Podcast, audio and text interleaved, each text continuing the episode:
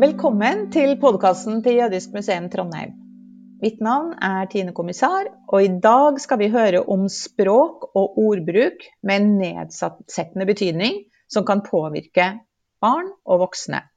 Det er ikke uvanlig at betegnelser eller skjellsord som eh, går mot minoriteter, funksjonshemmede eller andre grupper, er med å påvirke normer og holdninger, og derfor også hvordan vi ser på verden og på andre mennesker. For noen har skjellsord som jøde, homo, gay, bitch eller hore blitt en del av hverdagen, både i skolegården og i sosiale medier. Mange ungdommer forteller at de bare bruker skjellsordene som en spøk, men ytringer som bærer negative fordommer, kan gjøre noe med tilhørerne, enten de er ment å krenke eller ikke. Det kan både svi, stikke og såre. Kommentarfeltene i norske aviser har flommet over av hatefulle ytringer de siste årene. Og ikke minst overfor politikere og andre som bruker stemmen sin i offentligheten. Hva gjør denne formen for stempling med oss? Og hva kan vi gjøre for å hindre at det brer enda mer om seg? Med oss for å snakke om dette i dag har vi i første omgang Marianne Knutsen fra Stopp hatprat og Talia Dubowski fra Jødiske veivisere. Velkommen til dere to. Og først til deg, Marianne. Du representerer Stopp hatprat. Kan du først si litt om hvem dere er, og hva dere gjør? Ja, det kan jeg, vet du. For Stopp hatprat det er en ungdomsbevegelse for menneskerettigheter og mot hatprat på nett. Det er en kampanje som ble starta i februar 2014, og som er støtta av Barne- og likestillingsdepartementet. Og Stopp hatprat-bevegelsen den består av ungdomsambassadører, sånn som meg, som driver med ung-til-ung-formidling. Der målet er å gi unge mennesker og ungdomsorganisasjoner bl.a. verktøy og kunnskap og ferdigheter som er nødvendig da nettopp for å både gjenkjenne hatprat og å handle imot menneskerettighetsbrudd. Så det, ja, det er noe litt uh, om oss. Så hatprat er kjernevirksomhet for dere? Mm. Mm. Og du Talia, du representerer Jødiske veivisere. Kan ikke du fortelle litt om hva dere driver med? Ja, Jødiske veivisere det er et prosjekt som ligger under informasjonstiltaket mot antisemittisme, som er Det mosaiske trossamfunn i Oslos eh, bidrag til handlingsplanen mot antisemittisme. Det vi gjør, er at vi reiser på skolebesøk til videregående skoler og noen ungdomsskoler og snakker om det det er å vokse opp som norsk jøde i dag, hvilke utfordringer det kan ha, hva, at, og at vi egentlig ikke er så ulike fra alle andre rundt oss. Og det å kunne sette et fjes på et ord kanskje mange bruker som et skjellsord, og også vise frem, for det er veldig få jøder som bor i Norge i dag. Eh, men jeg har bare lyst til å spørre deg mens du snakker nå, Talia. Hva, eh, dette med hatprat, er det no, et tema som dere kom borti som jødiske veivisere når dere er ute i skolene? Um, vi prater en del knyttet opp mot det med antisemittisme og utfordringer. Og da har vi en egen bit hvor vi snakker om uh, det med jøde som skjellsord, f.eks. Og da trekker vi frem egne historier om vi har det, eller andres historier eh, hvis vi ikke har egne selv. Og Da er det ofte elever som kommer og forteller om sine opplevelser knyttet opp mot andre skjellsord eller tilhørigheter, og ønsker å dele og fortelle sammen med oss. Og så har vi også en egen bit til slutt som er om identitet, hvor vi også, ofte også drar frem det med båsetting og det, å, det, med disse fordommer og stereotyper man ofte blir kategoriserte inn i. Og Der også så har vi hatt elever som er med og åpner opp og forteller om sine opplevelser knyttet opp mot båsetning. Og Dermed så blir dette at vi kommer og snakker om fordommer og hat fra, vår, fra kanskje vår eh, eh tilhørighet, da, så blir det også mulighet for andre å kunne åpne opp og si, si litt om seg også. Og det, og det er veldig viktig å si også at vi kommer jo ikke Det er ikke en del av det å være norsk jøde å oppleve denne haten, men det er noe folk gjør. Og derfor er det viktig at vi kommer og prater om det. Ja, eh, da har jeg lyst til å høre liksom, hvilke typer skjellsord er det dere møter, da? F.eks. i Stopp hatprat, Marianne. Hva er det eh, ja, Kan du si litt om det? Hva slags eh, type hatprat dere eh, ser og møter? Ja, eh, vi jobber jo med på en måte den hatpraten og de hatefulle ytringene som eksisterer i samfunnet i dag. Og det er jo alt som også ble nevnt innledningsvis. Alt fra eh, jævla homo, hemmis, muslim, hore, jøde. Og det er jo eh, noen eksempler på eh, skjellsord. Og det her er jo skjellsord som finnes i alt fra skolegården, i politikken, eh, på fritidsklubben, på fest eller på sosiale eh, medier. Eh, så, så, det er jo litt grann av på en måte det omfanget som vi jobber med. da. Eh, og rett og slett det at bare sånn som jævla jøde, da, som er et av de vanligste skjellsordene i norsk skole, eh, eller jævla homo, som òg ofte blir brukt, gir, da gir man jo noe som i utgangspunktet er en del av folks identitet. Eh, det gir man jo da en negativ kontekst, eh, da man bruker det som skjellsord, eh, eller gir egenskaper da, eh, til noe som er en del av identiteten til folk. Eh, og det er jo ikke, ikke greit, fordi eh, mennesker er jo mangfoldige. Homofile er jo like mangfoldige og individuelle som hvilket som helst heterofilt menneske. Og, eh, og, akkurat det samme gjelder jo om det er muslimer eller om det er jøder. Så ja, det gjelder jo uavhengig av hvilken minoritet man tilhører. da. Så det er jo litt det vi på en måte jobber med, at alle skal ha friheten til å være seg selv med sine identiteter. da. Uh, ja, og det syns jeg var uh, veldig interessant å høre det her med at du, dere møter alle disse skjellsordene. Og jeg tenker på Talia, hva er det eh, elevene forteller dere om hvordan disse, disse skjellsordene påvirker dem, og hvilken effekt de har på, det, på, på den enkelte? Um, det har vært veldig mye forskjellig, og veiviserne har tidligere pleid å ha en bilde med masse ulike skjellsord, hvor man har spurt da elevene hvilke skjellsord er det dere gjenkjenner, hvilke har dere hørt?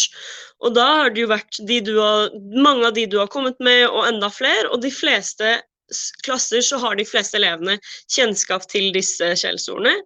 Og også så har vi hatt håndsopprekninger om hvem som f.eks. har hørt ordet jødebruk som skjellsord, og da er majoriteten av hendene opp, omtrent oppe i været. Og det viser jo hvor viktig det her er. Og vi har også folk som har kommet og snakket om egne opplevelser. F.eks. så var det en eh, i etterkant av et skolebesøk som kom opp og fortalte da, tidligere veivisere at eh, han var homofil og hadde vokst opp med at alle rundt han hadde sagt at liksom, Ikke mot han, men det har brukt eh, dette skjellsordet såpass mye rundt han da, at han ikke har turt å fortelle om det. Men har da senere fortalt klassen sin og fått en veldig positiv eh, sånn, eh, fått veldig positive tilbakemeldinger og veldig åpenhet der. Da. og Det var noe han kom og fortalte disse veiviserne i etterkant av et veiviserbesøk. Men hvilken effekt syns dere at det virker at dette har på, på folk? da? Det, liksom, blir folk nedbrutt? Han, han, her, han, snakket ikke om det, men hvilke andre type effekter kan det ha, Marianne? Altså Det er jo så masse, og det er jo også veldig individuelt. Men det kan jo f.eks. skape en eh, frykt. Skape en frykt for å ytre seg Um, og Det viser jo også undersøkelser med f.eks. om man er aktiv i politikken. Da. At det er mange som har vurdert å trekke seg tidligere enn det de kanskje ellers ville ha gjort fra, eh, fra partipolitikk f.eks. For uh, fordi at eh, det, det tærer. da. Uh, så Det er jo også en sånn effekt. Og så er det jo den der uh, hvis det er hatprat som går på den du er, da, da er det jo ikke noe du på en måte kan slutte med. Da går det jo på den du er som menneske. da. Og det kan jo igjen resultere i sånn som minoritetsstress f.eks. At man kjenner på kanskje man kjenner på en form for skam. Eh, kanskje som ung at man tenker at det er noe galt eh, med seg selv. Eh, fremfor barrierene eller diskrimineringa eller hatpraten som eksisterer i samfunnet. da. At man ja, føler på en form for utenforskap, eller at det kan være vanskelig å ytre seg igjen da, i forskjellige arenaer i livet når man kanskje ikke føler seg velkommen. Ja, og så er det jo en del folk som sier at ja, jeg mente ikke noe med det, det var egentlig ment som en spøk, eller at man sier det ubevisst fordi at det er et skjellsord som de hører andre bruker. Eh, jeg tenker, eh, hva gjør man i forhold til det? Er det mindre liksom slemt å bruke det da, enn hvis man eh, mener noe med det. Hva har dere å si om det? Jeg tenker at eh, fordommer og ord det er jo også noe som så fort kan bli internalisert. Altså. At, det blir så, at det blir en sånn vanlig greie. At man nesten ikke legger merke til det selv. Og Der er jo så klart kunnskap og bevissthet viktig. Kanskje også mange ikke vet hvilken betydning enkelte ord har. At ungdom gjerne bruker da, eh, ord som homo eller kallenavn som eh, lesbe, homse. Eh, for å på en måte både det å rakke ned på hverandre eller for å tøyse, men at man ikke nødvendigvis alltid legger noe ondsinna i det ved å bruke de kallenavnene. Men at ordene i seg selv kanskje mister litt sin betydning når de blir ufarliggjort. Da. At man flirer det bort eller tenker at ja, men det er jo ikke vondt ment, det er bare sånn vi snakker til hverandre. Eh, og Der tenker jeg at det er viktig med bevissthet og, og snakke om hva de her ordene faktisk betyr, og hvilke konsekvenser det medfører. Samtidig så tenker jeg jo også at om man som ungdom eller ung ikke opplever det som et problem, da er det jo også kanskje vanskeligere å forstå hvorfor det ikke er greit, når man ikke opplever det som et problem i utgangspunktet. da. Eh, ja, og sånn sett, Hvis det er humor inne i bildet òg, så er jo det jo kanskje noe som i større grad blir akseptert. da. Når du sier at eh, ordene kanskje mister sin betydning, eh, er det da slik at de gjør det eh, hvis de blir mer og mer vanlige, tror dere? Eller er det kanskje like ille eh, som hvis man faktisk mener det. Talia, har du noen tanker om det? Uh, jeg vil definitivt tro at dette her fortsatt har en mening overfor personen du snakker om. Altså, det vil fortsatt påvirke den minoriteten eller tilhørigheten du prater om, uansett om du mener noe negativt, om du mener noe negativt eller ikke, men det er fordi vi bruker disse ordene som skjellsord. Vi har gitt dette er negativt negative assosiasjoner, og det gir så mye tanker rundt det. Og det her er noe som eh, Altså, jeg har jo eh, Da jeg selv gikk i femte klasse, så var det en ny gutt i klassen min som starta der. Og jeg fortalte han da at eh, jeg var jøde. Og han fortalte meg tilbake at han visste ikke at jøder eksisterte. Fordi der hvor han kom fra, så var jøde kun blitt brukt som skjellsord. Og jeg husker jo dette her som kjemperart. Det var første gangen jeg sto der og tenkte over at dette her er noe som blir brukt negativt, og at dette her eh, har en helt annen assosiasjon enn den jeg har. Og heldigvis er jo det her eneste opplevelsen jeg har hatt knyttet opp mot dette. Men det er fortsatt veldig rart å høre at en som er elleve år, assosierer et slikt ord med noe negativt. Og det viser jo at vi uansett om det er eldre eller yngre. Vi har en veldig viktig jobb. For om vi ikke tenker på dette her som negativt, så vil vi fortsatt påvirke de neste generasjonene. Vi påvirker de rundt oss uansett. Og Derfor er det liksom tenke litt over hvilke ord og uttrykk man bruker, for det vil påvirke noen andre. Det er veldig mye viktig dere kommer med her. og Marianne, jeg bare lurt på, du, Har du noen egne erfaringer med bruk av skjellsord? Um, ja, jeg er jo eh, ei funksjonshemma kvinne. Eh, og jeg er også ganske aktiv i samfunnsdebatten, så jeg har skrevet en del eh, kronikker og eh, sånne type ting. Og gjennom det så har jeg opplevd å bli kalt for f.eks. jævla hemmis, da. Eller eh, i kronikker der jeg skriver om likestilling f.eks. Fått hørt at, eh, at eh, jeg koster for mye penger på samfunnet. At eh, jeg burde ha vært mer fornøyd med det jeg, med det jeg får. At, eh, at funksjonshemmede er byrder på samfunnet. Og Det er jo noen eksempler som jeg har opplevd personlig. Men det er også mange andre ungdommer i Norges Handikapforbund Ungdom, bl.a. Der, eh, er, der jeg er leder, i tillegg til å være ambassadør i, i Stopp hatprat. Som i hvert fall forteller ganske sånn alvorlige ting. Eh, som at man har blitt spytta på f.eks. på åpen gate. Eh, eller at man har blitt fortalt når man har venta på trikken eh, at man ikke fortjener å leve. Mm, så det, det, er noen eksempler. Det er jo, jeg tror det er én av tre funksjonshemmede i dag som opplever hatefulle ytringer. Så det er ganske, ganske mange mennesker. Én av tre, det er jo veldig mye. Men Marianne, hvordan føles det da å få sånne eh, kommentarer mot seg? Nei, altså det det føles jo Man får jo en litt sånn Det er nesten litt så vanskelig å beskrive, men man bare får litt sånn den der som en klump eller som en stein i magen. Det bare Det bare gjør så vondt, da. Og så er det jo også en, en frykt i det òg. Eh, rett og slett. Når man, når man ytrer seg og man får, man får sånne kommentarer. For min del så er jo det en eh, indikasjon på hvor viktig det er. da rett og slett på hvor nødvendig det er. Men samtidig så er det jo kjempevanskelig, og da er det jo viktig å ha, ha eh, noen i ryggen, rett og slett. Om det er en organisasjon, eller om det er en venn, eller om det er eh, familie. Men bare rett og slett å, å dele det, eh, og ikke bære på det alene. For det kan være tøft, absolutt. Og spesielt over tid.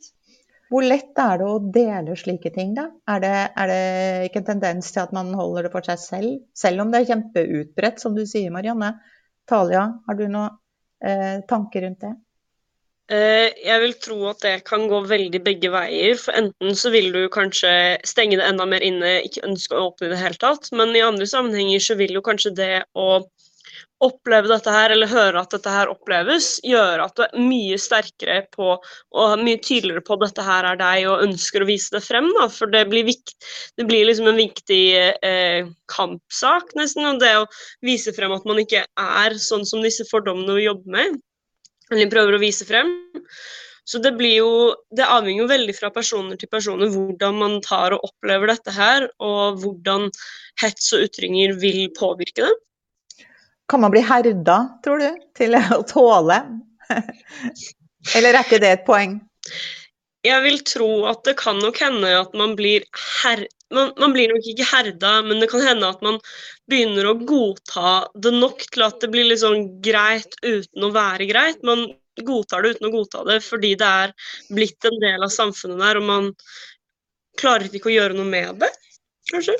Men når det er så ille som at man får eh, ord slengt etter seg eh, for den man er, eller en funksjonshemming, eller blir spytta på, hva skjer med en selv da? Eh, endrer man seg på et vis? Er det, er dere som har jobba mye med det, er det noen som har kommet frem med noen erfaringer rundt det? Altså At man endrer seg på noe vis, det tror jeg nok man gjør på hvilken måte man endrer seg, det tror jeg igjen er veldig ulikt. Italia, du var jo litt innpå på en måte det behovet for å motbevise stereotypier og fordommer. Og det tror jeg jo mange føler på. At man på et vis må kompensere for, eller jobbe kjempehardt for å motbevise stereotypier og normer om den minoriteten man eh, tilhører. Eh, og sånn, ellers så tror jeg jo også at det er jo klart at det påvirker både livskvalitet, eh, hvordan man ser seg selv, selvtillit, psykisk helse. Uh, alle sånne ting er jo faktorer som selvfølgelig eh, spiller inn. Det, det, tror jeg absolutt. Eh, men eh, hvordan kan man respondere hvis man opplever noe sånt? da? For Hvis du står der og får høre et skjellsord som angår deg, eh, har du noen muligheter til å respondere, respondere på et fornuftig måte som Eh, altså, eller på en effektiv måte, for å si det sånn, da, som gjør at du også på, kan forsvare deg i den situasjonen. Talia, har du, eh, har du noen verktøy til det? Oh, nå stiller du godt, for dette her er vanskelig. Og jeg vet ikke helt hva jeg ville gjort i en sånn situasjon selv. Men eh, jeg, kanskje det å prøve å eh, stille et spørsmål tilbake, eh, prøve å åpne opp til en dialog, da, prøve å forstå hva som ligger bak ord og tanke til personen som stiller dette her. Er det bare ubevisst, eller har den en grunn? Hva er liksom tanken rundt måten man snakker på? For man får jo ikke jobbet med fordommer med mindre man har en samtale og man får, um, får en dialog knyttet opp mot det. da. For det blir jo ofte litt temperatur, ikke sant? Hvis man først reagerer eh, med følelsene. Eh, og responderer følelsesmessig, så blir det ofte litt høyere temperatur. Og da er det kanskje ikke så lett å få til en god samtale. Marianne? Nei, det trenger det ikke å være. Og det er jo mange måter å reagere på. En ting kan jo være at man eh, sier ifra der og da, eller i etterkant. Det, som du sier, så kan det jo være vanskelig å eh, si fra til personen som eh, det gjelder, og på en måte svare. eh, det man kan gjøre både som hvis man blir utsatt for noe selv, eller kanskje hvis man ser noen andre som blir utsatt for eh, noe, er jo det at man kan støtte. Eh, og noe begge si, kan gjøre, er jo å si fra til en voksen eller en ansvarsperson, kanskje skolen, at man kan melde ifra. Men å si fra foran andre, det er nok noe av det som kanskje er det vanskeligste men som òg igjen kanskje kan ha størst signaleffekt. Og hvis man klarer å si ifra på en måte som får personen som sa det, og dem rundt til å forstå at det her er ikke greit, og endre på en måte atferd uten at man mister ansiktet eller at det fører til at problemet eskalerer, da, så kan jo det bidra til positiv, en positiv endring.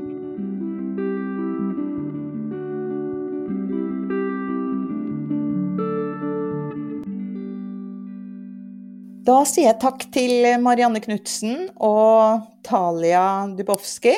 Uh, og så har vi fått besøk av uh, deg, Anne Victorius Bondsaksen. Du er påtroppende politisk nestleder i Skeiv Ungdom, og også medlem i Transpolitisk utvalg. Velkommen. Jeg lurer på om du kjenner deg igjen i noe av det som ble sagt her av Talia og Marianne. Dette med hvordan man kan opp oppleve eh, å få skjellsord retta mot seg? Definitivt. Uh, jeg tror meg og mine ti nærmeste venner alle har opplevd å få et eller annet skjellsord slengt etter seg uh, på et eller annet tidspunkt. Helt sikkert innen de fem siste årene. I hvilke sammenhenger har du fått opplevd det? Ja, jeg er jo sånn ganske profilert på det punktet her. Jeg er fortsatt litt sånn i det ukjente av ikke helt sånn der, det første navnet folk tenker på når de tenker transfolk i media, men jeg er fortsatt såpass profilert at jeg, jeg får ting, kommentarer sånn eh, Spesielt mye ordet transe er retta til meg. Um, jeg ble også kalt uh, homse på gata under pride i Oslo.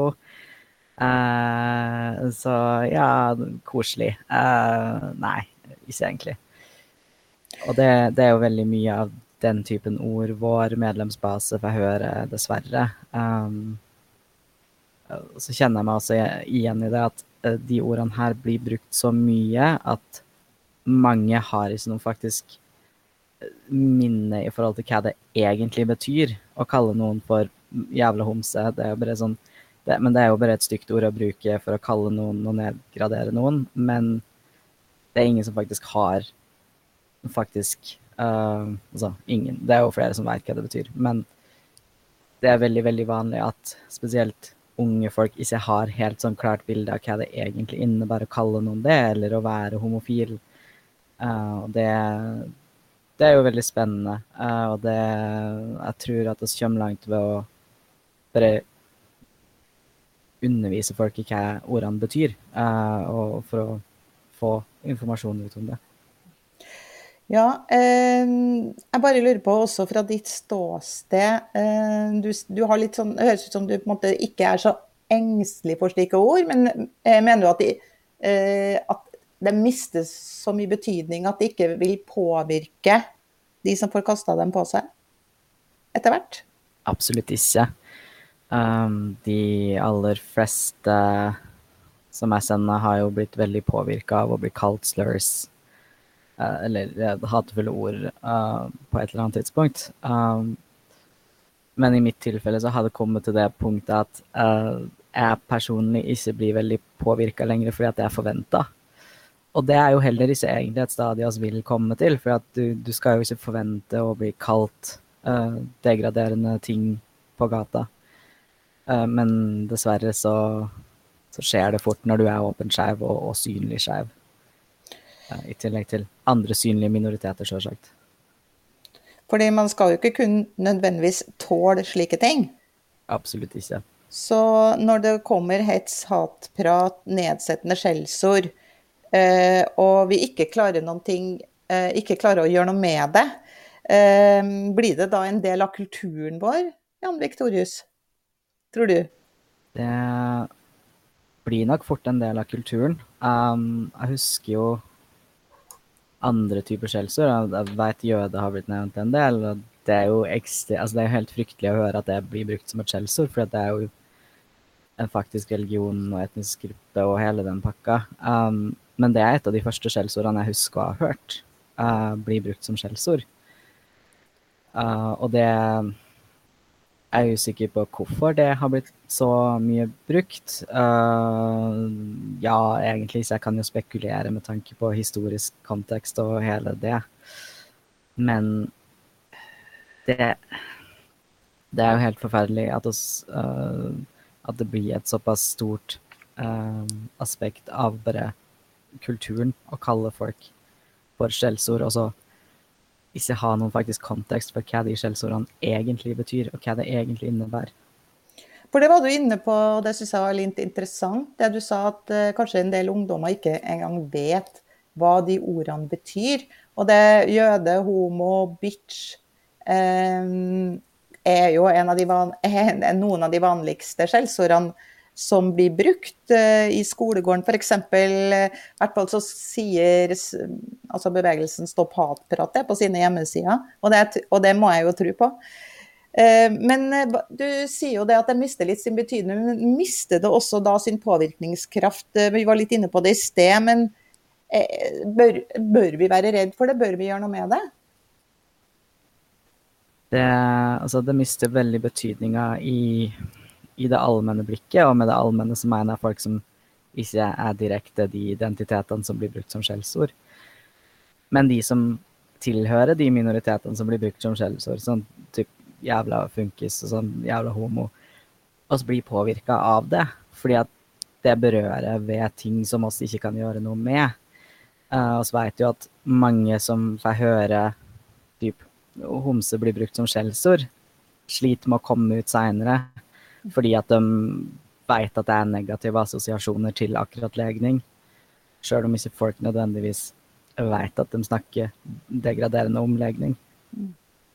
Jeg hørte jo Marianne Knutsen fortelle at når eh, man får slike ord mot seg, så gjør det bare så vondt. Og det er som å få en klump eller stein i magen, sier hun.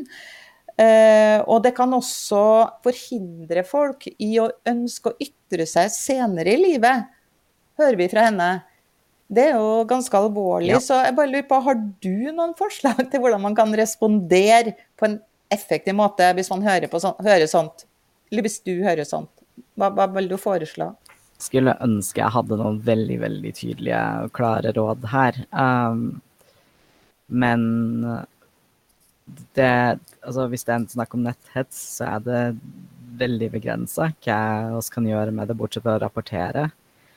Uh, og det er jo ikke alltid uh, skjellsord blir tatt uh, alvorlig av moderatorer og sånt. Men altså, det viktigste på et personlig nivå er å snakke om at det her skjer. Med noen du stoler på, eller en psykolog eller samtaleterapeut eller noe. Sånn at du får det ut av systemet at sånn, det her har skjedd, det her var veldig ubehagelig. Uh, jeg trenger å, å, få prosessert det på en god måte, sånn at jeg kan slutte å være påvirka av det til en viss grad. Og så Det blir til en viss grad Altså for min del så hadde det blitt lettere jo flere ganger det har skjedd. Uh, det er jo ikke helt heldig, fordi at mm, mange skjellsord kommer jo rett før du får altså, mottar vold eller noe sånt. Um, det er jo ikke bra. Um, men det har også vært ekstremt begrensa hva vi kan rapportere til politiet når det har skjedd fysisk. fordi at Spesielt når det går på skeive identiteter, så er det kun homofil legning de har tatt inn i diskriminerings- og hatkrimlovverket før januar i år. Um, så vi har jo ikke noe statistikk på hvor ofte det her har skjedd heller, dessverre. Men da er det jo viktig, når det skjer, at man har noen i ryggen som kan være med å støtte. Og det å organisere seg som, altså som du har gjort da, i eh, Skeiv Ungdom f.eks. Hva betyr det eh, for eh, folk som blir utsatt for ting som tilhører en minoritet? nei, oss i Skeiv Ungdom oss jobber jo veldig på bl.a.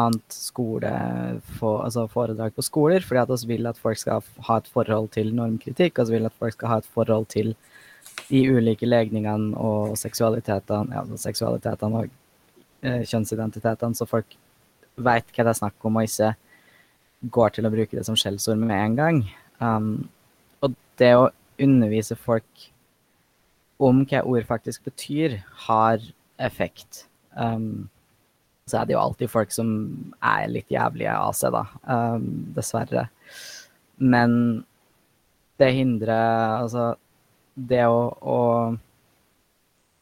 undervise så folk får forståelse av ord, er veldig, veldig viktig i alle kontekster, som det er snakk om skjellsord og minoriteter. Fordi at da får folk et forhold til det. Og det er også veldig viktig at det er folk som har de ulike minoritetsmarkørene, som sjøl kommer og underviser om det. Fordi da viser du frem at hei, det er ikke bare snakk om de her som er transfolk, det er snakk om jeg, jeg er transperson. Jeg har opplevd det her.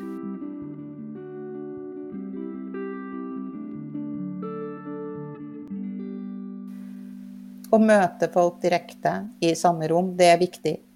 Og da tenkte jeg at uh, du skal få møte to fagfolk som vi har invitert inn for å uh, kunne forklare oss litt mer om disse fenomenene. Og da ønsker jeg velkommen til professor Anne Birgitta Nilsen fra Oslo OsloMet. Og takk. pedagogisk leder ved Falstadsenteret, Sebastian Klein. Velkommen til dere. Takk, takk. Um, du jobber jo også som prosjektleder for Dembra, som står for Demokratisk beredskap mot rasisme og antisemittisme i Midt-Norge, Sebastian. Og det er jo retta mot lærere. Og jeg tenker bare for å høre med deg, når vi har hørt eh, disse tre unge representantene, eh, har vi noen verktøy for å møte eh, denne type nedsettende eh, ytringer, hatprat, skjellsord osv. Hvis, hvis du tenker på verktøy direkte knytta til skole, eh, så har vi jo eh, selvfølgelig eh, et pågående arbeid gjennom f.eks. organisasjoner sånn som MOT, og selvfølgelig Demra også, da, som står for demokratisk beredskap mot rasisme og antisemittisme. Ja, for det er jo en ting eh, som er viktig å finne ut om det dere eh, gjør har en effekt. Men eh, en mm. annen ting, før eh, vi kommer så langt, så tenkte jeg jeg skulle høre med deg, Anne Birgitta, om eh, hvor utbredt eh, dette her er, tror du? Blant unge og voksne? Eh, det er veldig utbredt. Og jeg er veldig opptatt av at vi ikke bare snakker om disse sånn veldig ekstreme ytringene, de som eh, er omtalt i straffeloven som hatefulle ytringer, men at vi snakker mer om det som er hatprat. Fordi at eh, jeg tenker at de ytringene som ender i retten og som er straffbare, de er bare et ekstremt uttrykk for noe som rører seg i samfunnet den hatpraten som vi driver overfor ulike grupper, det er jo sånn snakk som vi driver oss imellom for å snakke ned enkelte grupper.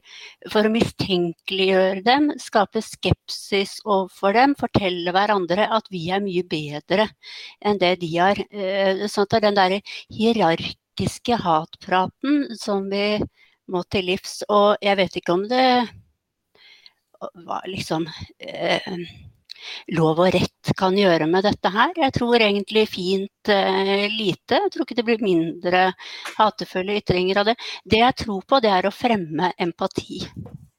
Jeg tror på å fremme eh, empatisk språkbruk eh, i skolen. Jeg har nettopp skrevet en bok om det, så mye eh, tror jeg eh, på det. Konkret, hva vil det, hva vil det si, empati, å være empatisk og bruke ja, empatisk språkbruk f.eks.? Ja. Eh, det, empati handler om å kunne sette seg inn i den andres ståsted.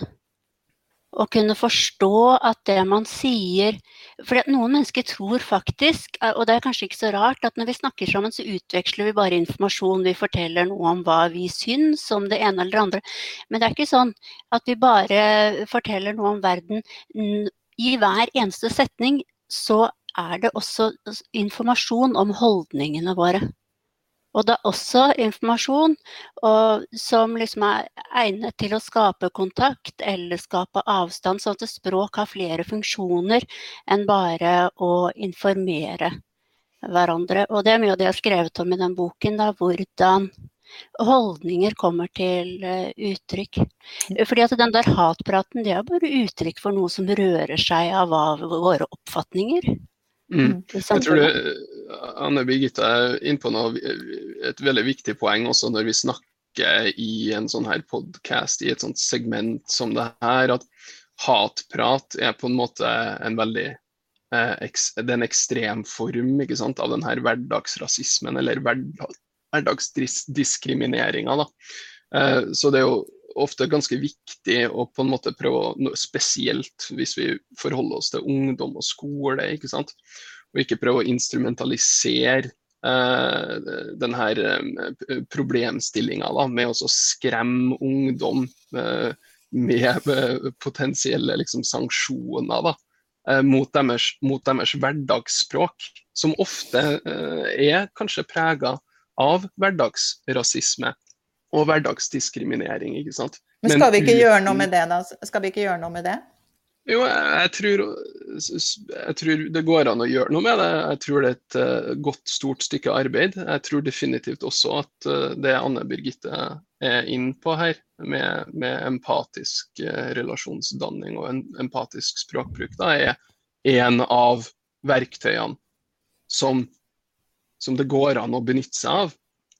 Men det krever, krever, jo en omforming og en omstrukturering, ikke bare liksom på skolegården blant lærere. Men det her må jo, jo Jeg vet jo at det er deler av det, men det må jo også inn i lærerutdanninga, ikke sant. Anne mm. Jeg er på vei inn i lærerutdanningen nå, heldigvis, ja, ser jeg, og det er fint å se. Jeg tror, dette, jeg tror, eh, også det er viktig det at eh, ungdom må få informasjon om at noe Det er ikke sånn at man kan si hva man vil. Noen tror at ytringsfrihet er å si hva man uh, vil, og, og, det er flere som forteller, politiet forteller jo det at noen blir veldig overrasket når de får politiet på døra. Oi, jøss, kan jeg ikke si hva du vil? Nei, du kan ikke det. Dette her er straffbart. Så det trenger jo ungdom informasjon om, eh, om, også.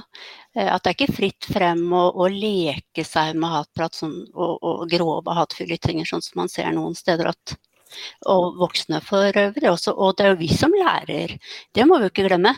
Det er jo vi voksne som lærer eh, barn og unge språkbruk.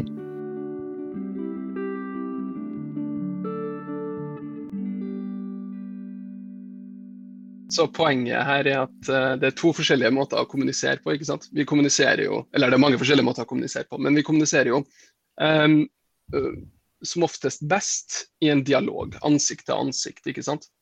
Uh, og Det er jo litt av det uh, Anne Birgitta også er inne på med å danne en empatisk relasjon eller et empatisk språk. Det foregår ofte best når to personer møter hverandre for å prate. ikke sant? Vi er jo sosiale vesen, det er jo sånn vi har utvikla oss.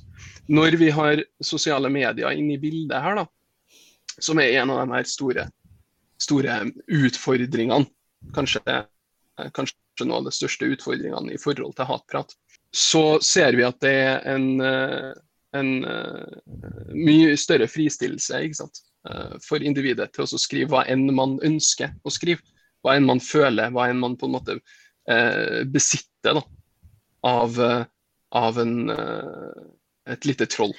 Og det som jeg også er veldig bekymret for, det er at det som av og til skjer, er at gruppen tar opp i seg det hatet som kommer utenifra, eller de negative holdningene og følelsene som kommer utenifra, og så fører det til en sånn selvhat eller eh, en veldig dårlig selv, selvfølelse. Og det tenker jeg også, det er vi også nødt til å snakke veldig mye, veldig mye mer om, og, og, sette inn tiltak som kan støtte disse eh, ungdommene som ender opp med å se på seg selv på en dårlig måte. Da oppta de andre sitt syn på seg selv.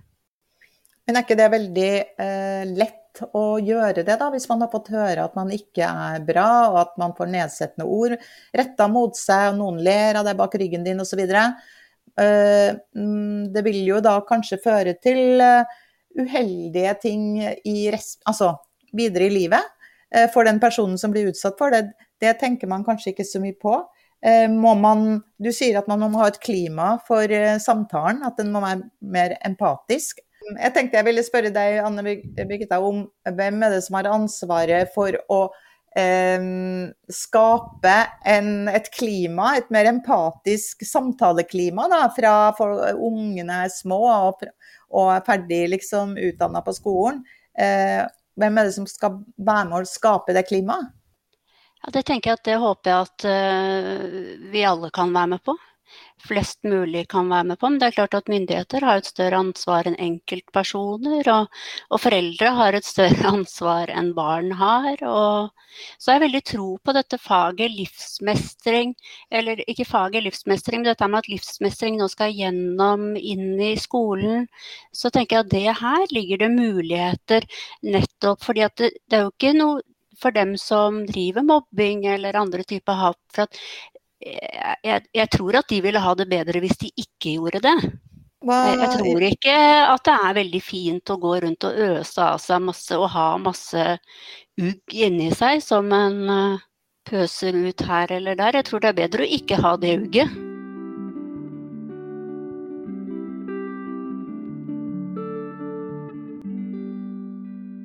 Men la oss, ja, la oss, ta, la oss ta, ta, oss tilbake til skolegården litt. fordi jeg tenker at det som er litt viktig nå for oss alle sammen som er litt opptatt av eh, den hverdagspraten, da, at eh, det Vi hørte fra Marianne Knutsen fra Stopp hatprat.